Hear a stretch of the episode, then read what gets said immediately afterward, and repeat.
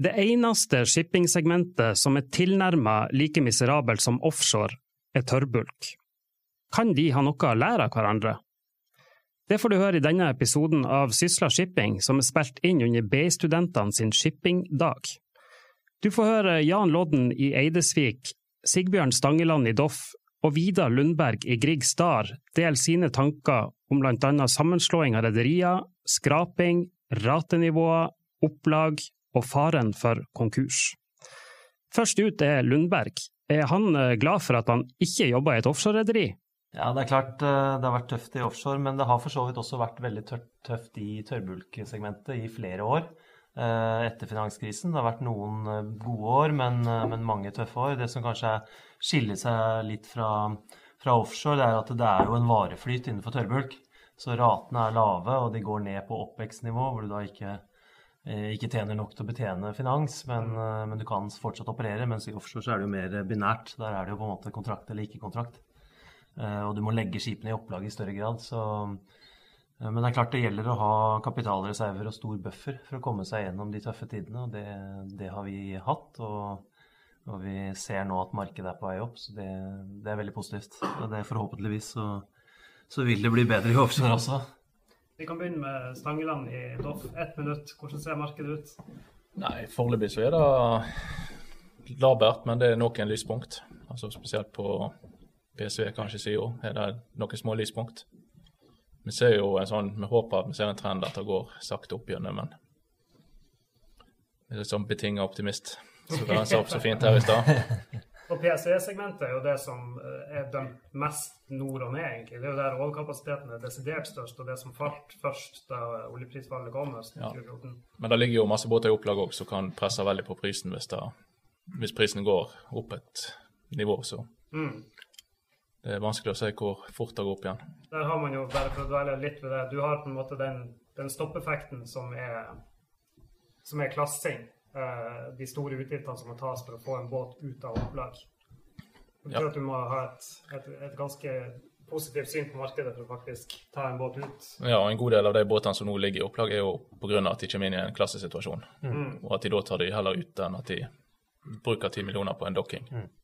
Hva er en naturlig overgang til, eh, til deg, Jan Rodden i Eilsvik Dere tok nylig en båt ut av opplag og klassa den. Mm.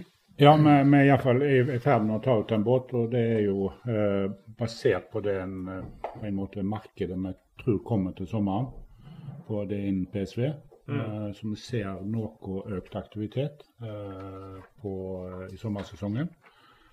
Eh, men vi er nok eh, litt sånn forsiktig på, i forhold til å gå inn til høsten og vinteren igjen på, på dette her. Det er sesongoppgang, det tror vi kanskje. og at det er ikke kanskje en varig eh, oppgang eh, på det, på det segmentet. Så ser vi jo at eh, oljeserviceselskapene de får jo nye kontrakter altså på utbygginger på norsk sektor. Men vår leveranse den ligger kanskje ett til to år bak den eh, på subsea-utbygginger. Eh, Pga. når de skal gjøre prosjektering og innkjøp før de går offshore med dem. Så, så det På subsea så ser vi vel ikke noe sånn, eh, for 18 så tror vi det blir et, eh, et eh, jobbeår, for å si det sånn. Og på seismikk så ser vi vel ikke noe sånn fundamentalt oppgang på 3D-seismikk. Men vi ser lyspunkter på, på bunn, det nye segmentet som er bunnseismikk, hvor mm. vi ser økt aktivitet på tender og, og, og prognoser framover. Og det går hovedsakelig inn på produksjonsdel av, av verdikjeden. Nettopp. Mm stoppa litt ved, ved Subsea. Da du presenterte i stad, Stangeland, så viste du uh, fordelinga over hvor inntektene deres kommer fra. Det mm. er godt over halvparten, over 60% som kommer fra Subsea. Kommer fra Subsea-biten, ja. Og det er jo mesteparten av det kommer jo fra langsiktige kontrakter på subsea-båter. Så på prosjektbiten så håper vi at det kommer en oppgang der òg, så. Mm. Og dette er altså det er de dyreste, største båtene dere har ditto dyre å ha liggende i opplag. Her er, her er mye lån som skal betjenes. Ja, det er ikke tvil om, så de må jobbe. Hvordan um, Dere har begge Beklager at du blir litt ute av det, men vi dele litt ved offshore. Både Eidesvik og Doff har landa en del kontrakter i det siste. Si litt om, eh, om ratenivået på det dere klarer å få til nå. Nei, Det er jo noe opp eh, på ratenivået i forhold til den vintersesongen som vi har vært gjennom høst- og vintersesong, og hvor eh, vi har sett at det er pluss-minus OPEX på, på, kontrakter i sport, iallfall gjennom vinteren. Mm. Så har du jo da eh, altså utnyttelsesgraden, eller utilization, på de, så da kan du si faktoren hvor, eh, om, du klarer, om, du klarer, å dekke de løpende utgiftene.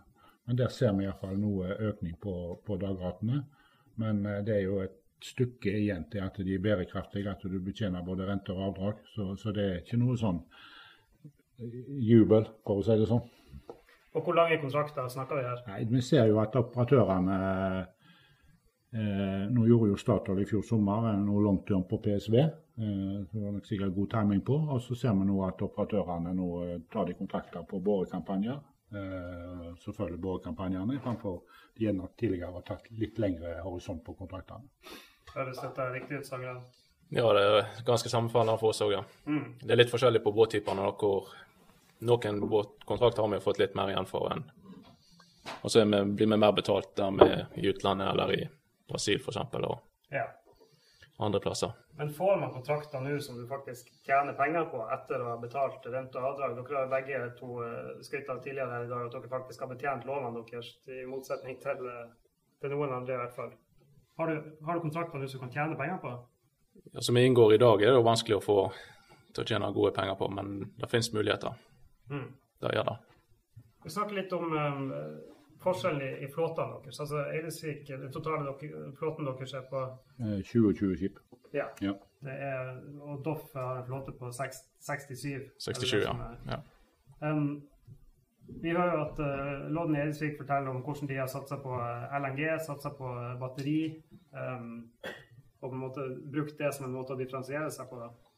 Få ned utslipp, uh, få ned drivstofforbruk. Dere i, dere i Doff har ikke gått den veien her. Dere fikk vel batteri på Vi installerer batteri i dag, faktisk, på ja. en av PSV-ene. Og vi har allerede installert på en tidligere. Så vi har to, to båter som kommer med batteri nå, i tillegg som hatt en LG-båt fra 2013. Ja, det er jo en stund tilbake. Ja. Uh, og vi var ganske tidlig ute med landstrøm òg. Så vi var en av de første som hadde landstrøm her i Bergen. Ja, stemmer det. Det mm. fikk dere installert. Uh, for det, det, jeg skulle fram til var litt, hvorfor, har man ikke på en måte gått tyngre i den retninga som, som Eidesvik har gjort fra deres side? hva, hva det går jo den retningen, men det er jo det er forskjellige, eh, forskjellige, strategier der på tid du skal inn, og hva du skal gjøre, og hva du satser på. så. Mm. Oppfølginga der er jo eh, altså Dere som har gjort det og gått, gått den ganske, ganske kraftig, eh, opplever dere at dere får, får, betalt for det? Det er jo alltid vanskelig. altså det, første så er det jo klart det, det er jo ikke billig å være de som er først ute på det. Eh, men vi har nå hatt en tro på det når det gjelder LNG. Og vi brukte den første i 2003, og så fikk vi en i 2008 og 2009, en LNG-båt. og det, beste kanskje beviset på at vi har gjort noe rett, det var jo at konkurrentene våre som Doff og Solstad og Olympic eh, bygde LNG-båter i 2011, og 2012 og 2013. Så eh, da har vi vel kanskje gjort noe rett. Jeg har vel med å reflektert litt over. Hvordan eh, forholder tørrbulksegmentet seg til eh, disse metodene? Nei, Vi har gjort noen tiltak på batterisiden. Vi har gjort det på kran bl.a. Vi har installert batterier med, med, god effekt. Og vi har gjort en rekke initiativ innenfor energibesparelser generelt. En ting er jo at flåten går på ecospeed i større grad. slik at du har Ecospeed betyr at du går på lavere fart og mer optimal fart i forhold til fyrforbruket, og reduserer sånn sett fuel betydelig i seg selv.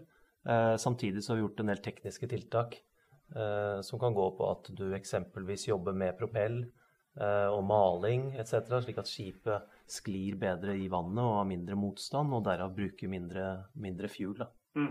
energi på fremdrift. Så, eh, så, vi har hatt over 10% besparelse på tekniske tiltak, da, som, vi, som vi kaller det, og eh, setter målsetninger der årlig for besparelser.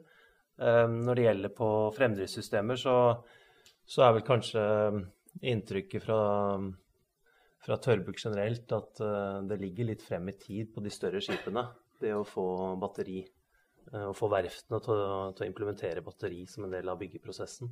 Det, og det er klart at det er lengre avstander på altså De skipene vi opererer, de går jo eksempelvis fra, fra Amerika til Asia, så det er store avstander. Så det setter jo også langt større krav til de løsningene. Så der du vil se miljøvennlige og batteridrevne løsninger først, er jo på nærskipstrafikken. Og du har sett det på ferger, og du ser det nå på passasjerskip, og så går det gradvis på de større skipene. Vil det komme? Det vil nok helt sikkert komme. Hvor lenge snakker vi? Nei, Det tror jeg er litt avhengig av hvem du spør. Mm. Så, um, men, men, vi ser at det skjer veldig mye, og du var inne på det i stad. Altså det, det, skjer fryktelig mye. Så på en måte så har det kanskje skjedd mer enn man trodde for bare to-tre år siden.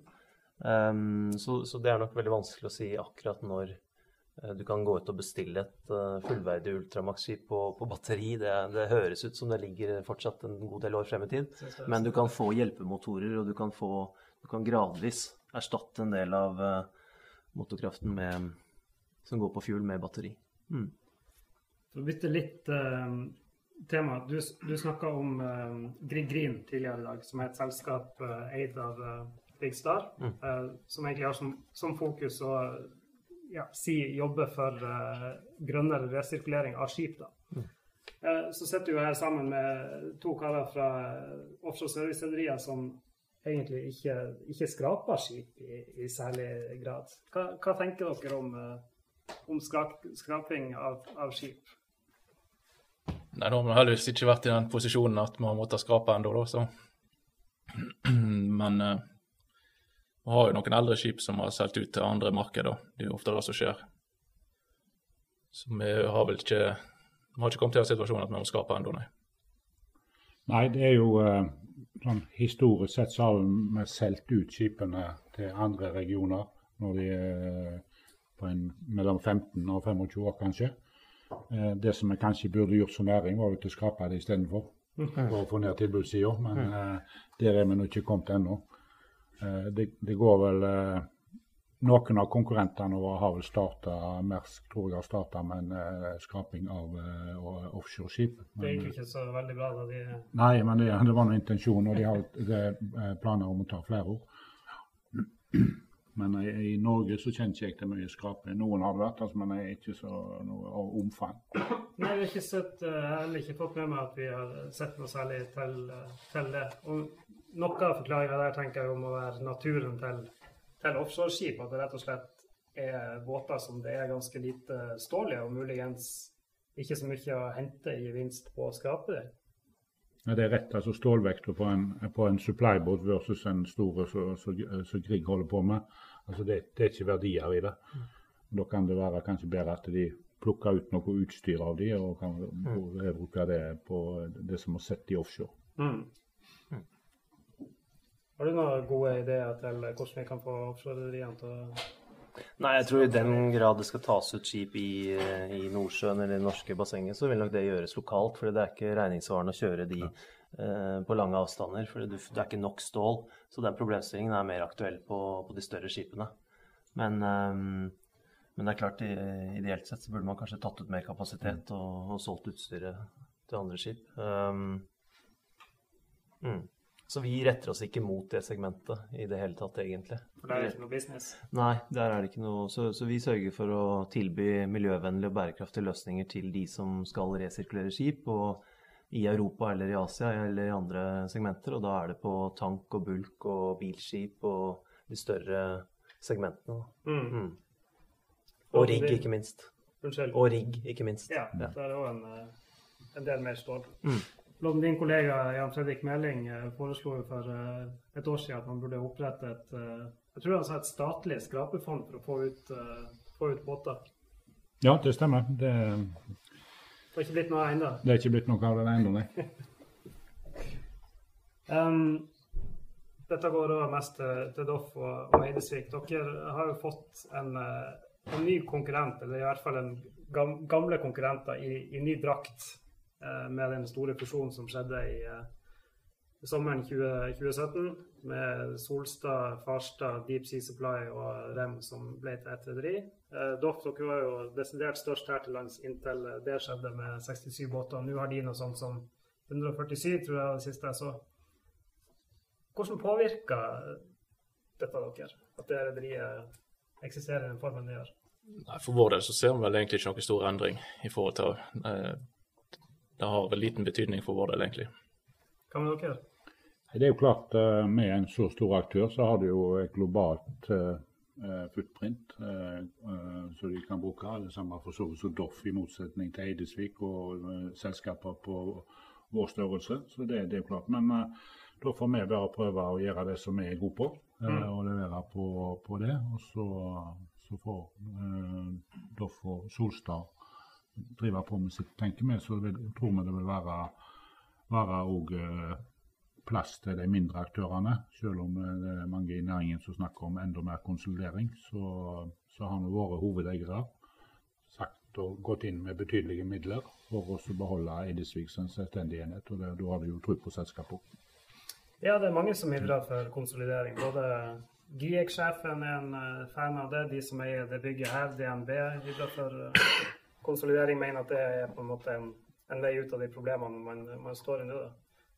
Um, men ingen av deres støtterier har egentlig vært uh, verken pådrivere eller uh, tenkt at, at, det var en spesielt god idé, så vidt jeg har fått med meg. De har jo økt flåten med et par båter, da. Ja. Så en liten konsolidering har vi jo hatt, men ellers har det ikke vært noe, nei. Da sikta du til de tre båtene dere ja. har management på, som kom fra henholdsvis Farstad og Olympic? Ja. ja. Og der ligger det en opsjon på å kjøpe de? Ja, mulig, ja. Ja, dere kan i hvert fall hvis dere, hvis dere ønsker. Men det stopper der. Altså Tre båter med et utgangspunkt på 67 er jo ikke, det er ikke voldsomt. Nei, det Hvis det er at den kommer der, så er det jo klart det er interessant. Men eh, det har vel ikke vært noen sånn store, gode muligheter til å det er jo ikke alle båtene du ønsker å ha inn heller. Det er jo en del eldre tonnasje som ligger ute der som ikke kanskje er interessant for framtida. Mm. Hvordan er deres uh, syn på dette, Edesvik? Nei, det, det, er jo uh, Kanskje alle snakker jo om alle i denne bransjen nå. Så, så at, uh, jeg, jeg, tror vel kanskje personlig at vi kommer igjen til å se enda noen flere grep, i, litt avhengig av hvordan, hvordan markedet utvikler seg. Så hvordan dette kommer til å se ut eh, tre år nedover veien, det, det, er det ingen som kan mene noe om. Men vi skal konsentrere oss om det vi kan gjøre noe med, og det er til å drive vårt selskap så godt vi klarer. Og så får, eh, får, vi bare se hvordan markedet utvikler seg, og hvordan framtida vil se ut.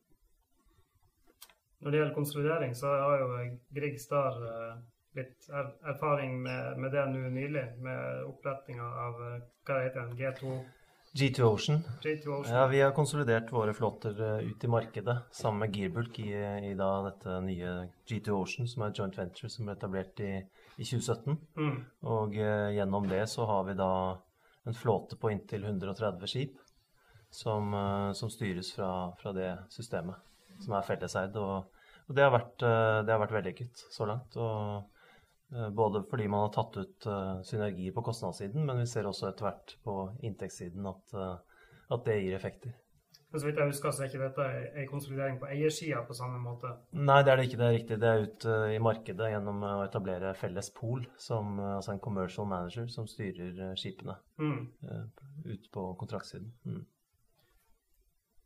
Hva er de positive effektene? Selvfølgelig er det sånn der man har to like funksjoner i to rederier, så kan man eliminere noen. Og det er litt sånn noen innlysende ting å gjøre på administrativ side. Mm. Men er det noen mer sånn obskure effekter av dette som ikke er like innlysende som dere ser? Nei, altså det vi har sett er jo på organisasjon og tilpasninger der at vi har kunnet ta ut en del effekter. Og vi har også sett eksempelvis på forsikringssiden ja. ved å ha større flåte og mer innkjøpsmakt. Og, og man kan dra det videre. Vi ser det jo også på, på leverandørsiden, eksempelvis når man skal dokke skip.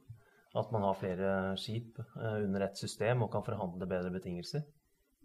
Så der har vi sett eh, at det har gitt effekter allerede. Mm. Og vi har tatt ut en del, eh, en del effekter og, og, ser at det er betydelige beløp det er snakk om. Så, så, det vil vi helt klart se på, på nettoinntjeningen fremover. Um, det vi også jobber med nå, er jo på inntektssiden og på de kontraktene som vi etter hvert fornyer. Vi har jo i stor grad kontraktsbasert virksomhet. 70 eh, av, eh, av det vi har innenfor OpenAsh-segmentet, som er vår, eh, vårt primærområde, det er kontraktsbasert virksomhet på KOAR. Og etter hvert som de fornyes, så, så håper vi å se effekter der også. Ja, for det er positive effekter i den grad at dere rett og slett har, har større markedsmakt med en uh, større flåte? Ja, at man har en større flåte og man kan optimalisere den flåten og hvordan man bruker den. Mm. Mm.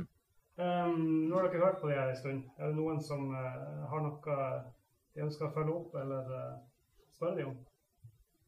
Ja? Jeg er til Grieg.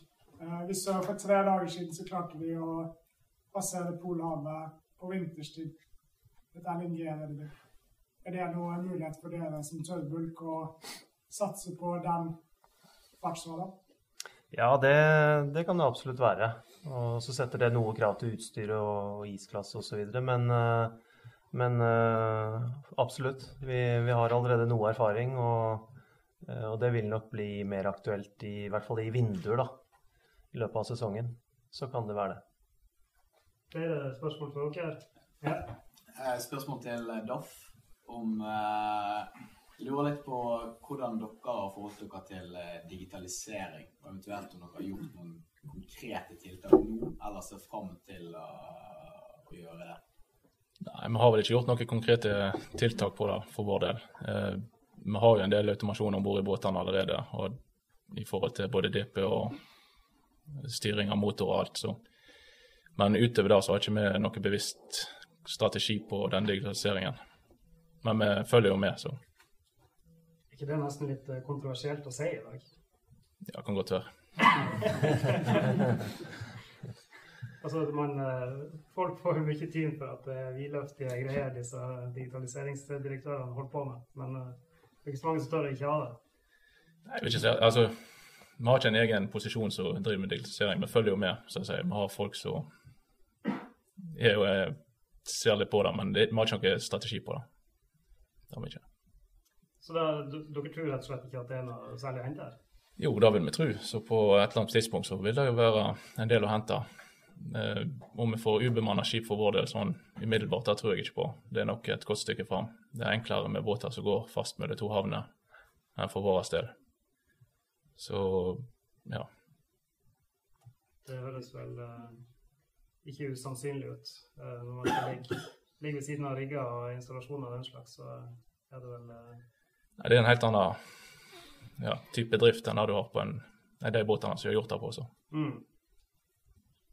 Vil du si litt om uh, hva dere i Grigstad tenker om, uh, om Nei, Vi ser på ulike måter å jobbe smartere på, absolutt. Og, og har ressurser for så vidt på Det har vi. Ressurser på det. Og, og ser på ulike tiltak som kan gi uh, kostnadsbesparelser eller, eller oppside på inntektssiden.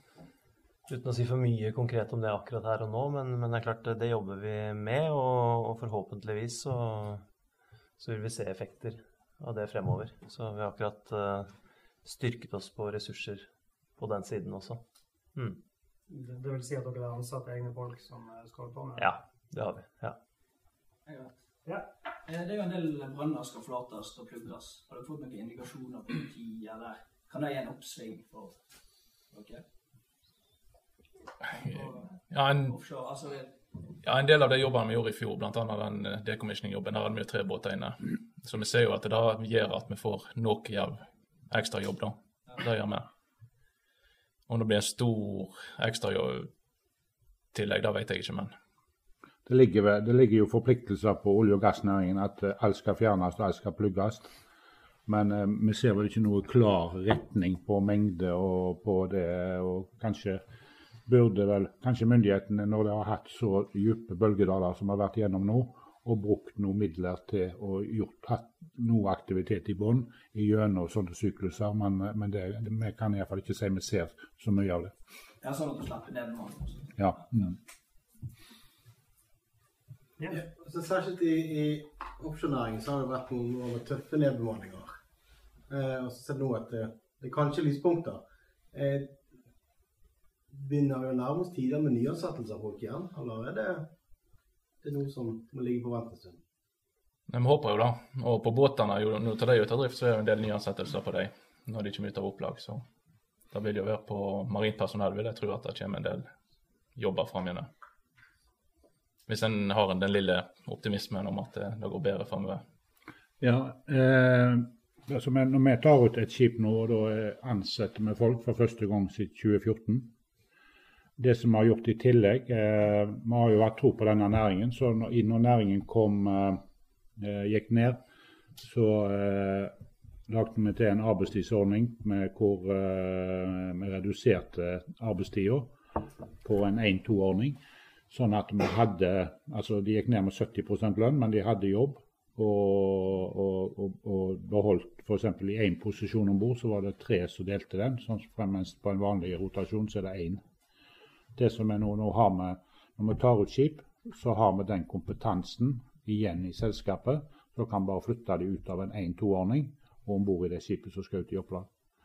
Uh, og nå, mest, har vi, nå har vi ikke så mye, mye igjen av den uh, 1-2-ordningen. Uh, er den kompetansen, så, så da må vi òg ansette folk. Men det, det ser vi som en definitiv fordel for selskapet, at vi har kompetansen og vi har erfaringen i selskapet. Når tidene kommer til å bli bedre igjen, så kan vi trekke det ut av en 1-2-ordning og sette det inn på en 1-1-ordning. Fordi De gikk altså på en ordning der de istedenfor å gå fire uker på og fire uker av, så gikk de fire uker på, åtte uker av Ja. og 30 ned i lønn. Ja. Det var noen andre rederier som innførte det her også. Ja. Og Så ble det sånn at det ble brukt på kurs og konferanser og ekstra seiling, så de kom vel opp mot 100% men uh, da hadde vi den fleksibiliteten i selskapet. Og de ansatte fikk jo bli, forbli ansatt, uh, og nå ser vi at vi høster gevinst på det når vi nå skal ta ut skip av opplag. Eh, Stangeland, dere fikk ikke til en sånn ordning. Det var vel tre forsøk eller noe sånt. Så, så ble det nedstemt til slutt.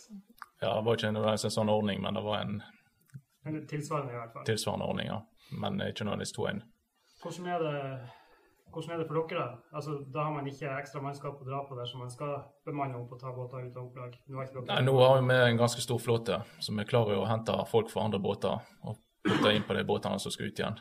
Og vi har jo ikke hatt uh, veldig mange båter i opplag heller, så Dere hadde fem i desember. Ja. fem i desember, så Og når du har en flåte på 67, så klarer du alltid å finne folk som kan gå om bord i de båtene. Mm.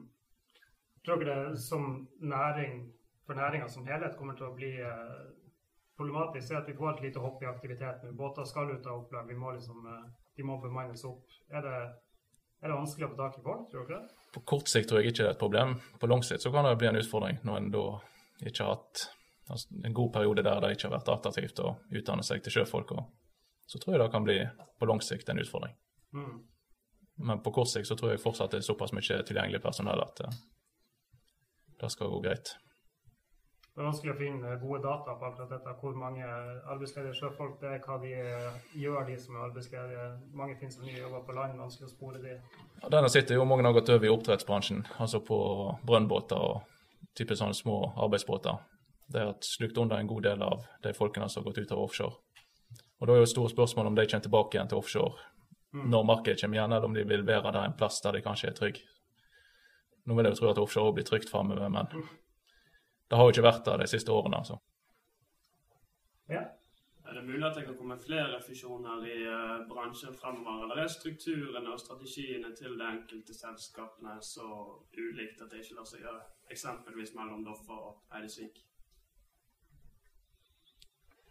Jeg tror det er veldig avhengig av hvordan markedet eh, utvikler seg. Hvis det blir normalisert inntjening i selskapet, så tror jeg kanskje at de som sitter der i dag, vil, eh, vil beholde eh, selskapene sine. Men hvis markedet eh, ikke kommer, og inntjeningen eh, forblir dårlig, så vil jeg ikke se vekk ifra at det kan komme flere konsolideringer framover. Er. Ja, med dagens rater på PSV, hvordan er marginene? Altså Tjener man penger, eller taper man penger? Nei, En har litt eh, over OPEX på de korte kontraktene en inngår. da. Så Hvis du ser en fire måneders som vi snakket om i sommer, så vil du, du vil ha litt mer enn OPEX-en. Men du er på langt nær der du skal være i forhold til å ha full betjening av lån og rente. Ja, Dere som går på økonomistudiet, så er det jo driftsutgifter, og så er det renter. Og så skal du betale avdrag, som er kanskje oppe på rentebetaling. Og det er null avkastning til egenkapital. PT. Så når dere får kontrakt, eh, så er det liksom at dere taper litt mindre, da. At båten ikke ligger til land. Så det er helt det Ja, da koster det jo penger av båten til land òg. Ja. Derfor Så, det er ikke billig å ja. ha en båt ute i fjorden her, vil jeg tro. Nei, altså hvis du har en båt som ligger i opplag, så tar du jo av mannskapet. Så da ligger du jo på en minimumskostnad, men du har fortsatt en kostnad som ligger der. Hvor mye er det? Ca. 10 000 om dagen eller noe sånt? Helt etter hva båt det er, så det er vanskelig å si, og det er hvor han ligger og alt mulig, men Yes. Ja, jeg lurer på, det er egentlig til alle tre, da, hva som er de største utfordringene i markedet for dere nå, individuelt. Jeg kan begynne på sånn generelt på tørrbrukssiden så har utfordringen vært at det har vært for mye kapasitet. Eh, Det har vært bygget for mye over lengre tid, bestilt for mange skip, vært for mye kapital som har vært eh, investert i tørrbulk. Og, og det har tatt tid å jobbe seg ut av det. Nå begynner det å normalisere seg, så markedene nå sånn inntjeningsmessig så, så kan du tjene penger og også få avkastning på egenkapitalen. Det kommer jo an på hva slags flåte du sitter med og hvilken kostpris du, du har. men men i dagens marked så, så begynner vi å se et normalisert marked igjen, hvor utnyttelsesgraden er, eh, er på nivåer som de fleste anser som eh, tilfredsstillende, eller begynner å bli tilfredsstillende. Eh, Så vi er bare avhengig av at det ikke bygges for mye igjen nå, etter hvert som ratene tikker oppover. At det ikke kommer for mange nye bestillinger. Største utfordringen er kanskje å se den videre oppgangen og hvor langt det kan gå. Eh, For det er klart det ligger en del skjult kapasitet der i, i EcoSpeed, og det at skipene går på litt lavere fart.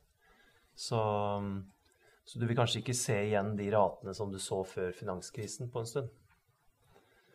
Eh, Nå er det klart det Det trenger man heller ikke å vente på, for det, det var eksepsjonelt høye rater eh, på det tidspunktet. Men, men noe opp fra i dag, det, det ser vi for oss, og det håper vi på. Mm. Ja, den største, utfor, eller, den største er jo selvfølgelig tilbudssida i, i, i den næringen som jeg representerer. At, uh, vi har bygd altfor mye båter. Uh, så det er jo en utfordring. Det er jo helt rett som sagt uh, her i dag at vi tror ikke reelt, hvis du bare teller opp båtene inn i et Excel-ark, så er det ikke reell tilbudsside som ligger der, pga. noe kommer til å forsvinne ut. Og, og kostnaden med å ta de fra opplag til ut i drift. På enkelte så er det ganske store eh, investeringer i forhold til det markedet som er der. Så er det klart eh, vi er nødt til å få i gang økt aktivitet offshore. At uh, oljeselskap, at du har en høy oljepris, eller relativt høy oljepris, og at eh, oljeselskapene begynner å bruke eh, og investere igjen i, eh, i felt og i uh, leting eller exploration offshore. Det, det, det er liksom eh, fundamentale ting som må på plass for at vi skal få utnyttelse og økt inntjening på, på flåten vår. ja, jeg har ikke noe mer å tilføye på det. Det er jo det som er utfordringen. Eller utfordringene for oss. Veldig lite av dette som er under deres eh, kontroll, egentlig. for dere nevner. Ja. Det er ikke den beste situasjonen å være i. Prisgitt eh, andres beslutninger. Og... Hva skal man gjøre? Nå har det jo vært gjort mye, jeg vil tro hos dere også, hos oss, på kostnadssiden. Sant? Å gjøre tilpasninger der man kan, og redusere kostnader. Og, eh, og med hell, vil jeg si. Eh, I hvert fall for vår del så har vi klart å redusere kostnadene ganske betydelig på OPEX-siden. Eh, mens fremover så må du kanskje tilpasse deg et marked hvor ratene ligger noe lavere sånn over tid enn det man har gjort før. Og, og da gjelder det å gjøre tilpasninger og kanskje se nærmere på forretningsmodeller og fremtidens forretningsmodeller. Mm. Uh, så er det klart at på, med de litt lange brillene så vil jo dette med, med mm, mannskap og, og autonome skip uh, komme i større grad. Og, og vi snakket om batteri og, og nye fremdriftssystemer, så det er klart uh, det vil nok skje en del på teknologisiden hvis du har de litt lengre brillene. Hvor lange briller er det? Når du snakker om autonome skip, f.eks. Ja, nei, altså nå kommer jo det første autonome skipet i løpet av noen få år. Så, så det er jo i ferd med å, å bygges, eller skal settes i gang nå. Så, så jeg tror ikke det nødvendigvis er så mange år frem. Det vil nok skje i småskala først, øh, og, og nasjonalt, hvor du får noen Du må ha med deg du må ha med deg staten på det og regelverket, sånn at du kan faktisk operere med autonome skip.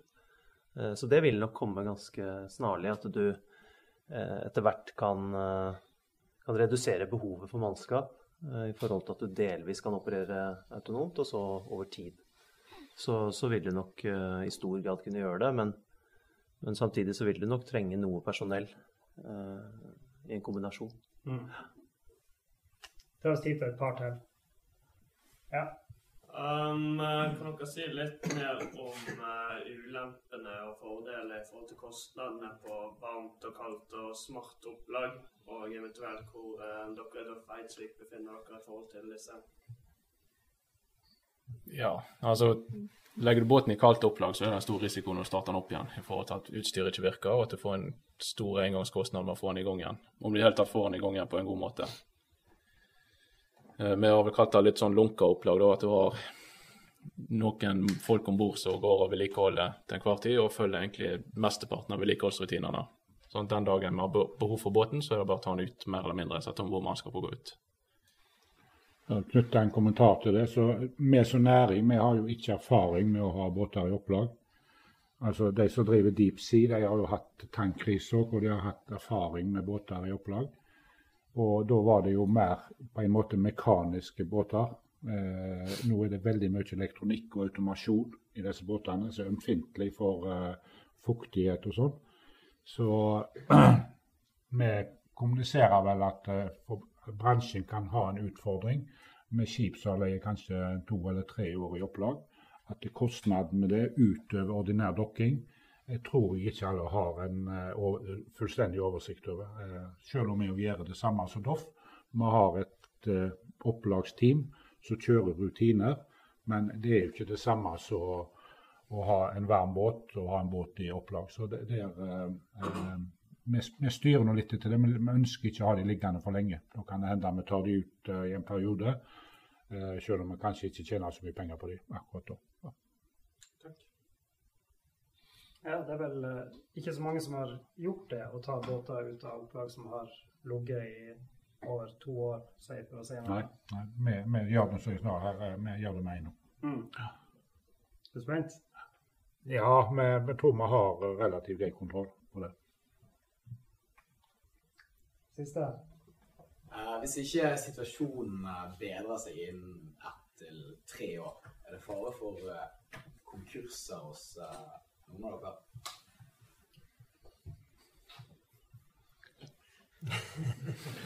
Jeg kan snakke på vegne av Doff. jeg sa, For å svare for Eidesvik, da, så sa jeg at uh, vi har fått en runaway med bankene. At vi får redusert avdrag uh, fram til sommeren 21. Og hvis ikke vi tjener penger uh, innen den tid, så må vi i, i, eh, i eh, nye forhandlinger med bankene våre eh, for oss å få ytterligere utsettelse på, på den eventuelle avdragsplanen. Eh, hvor vi gir dere tallene. I 2017 så betalte vi 320 millioner i avdrag i årlig. Og nå har vi for eh, 18, 19 og 20 så har vi årlige avdrag på 82 millioner.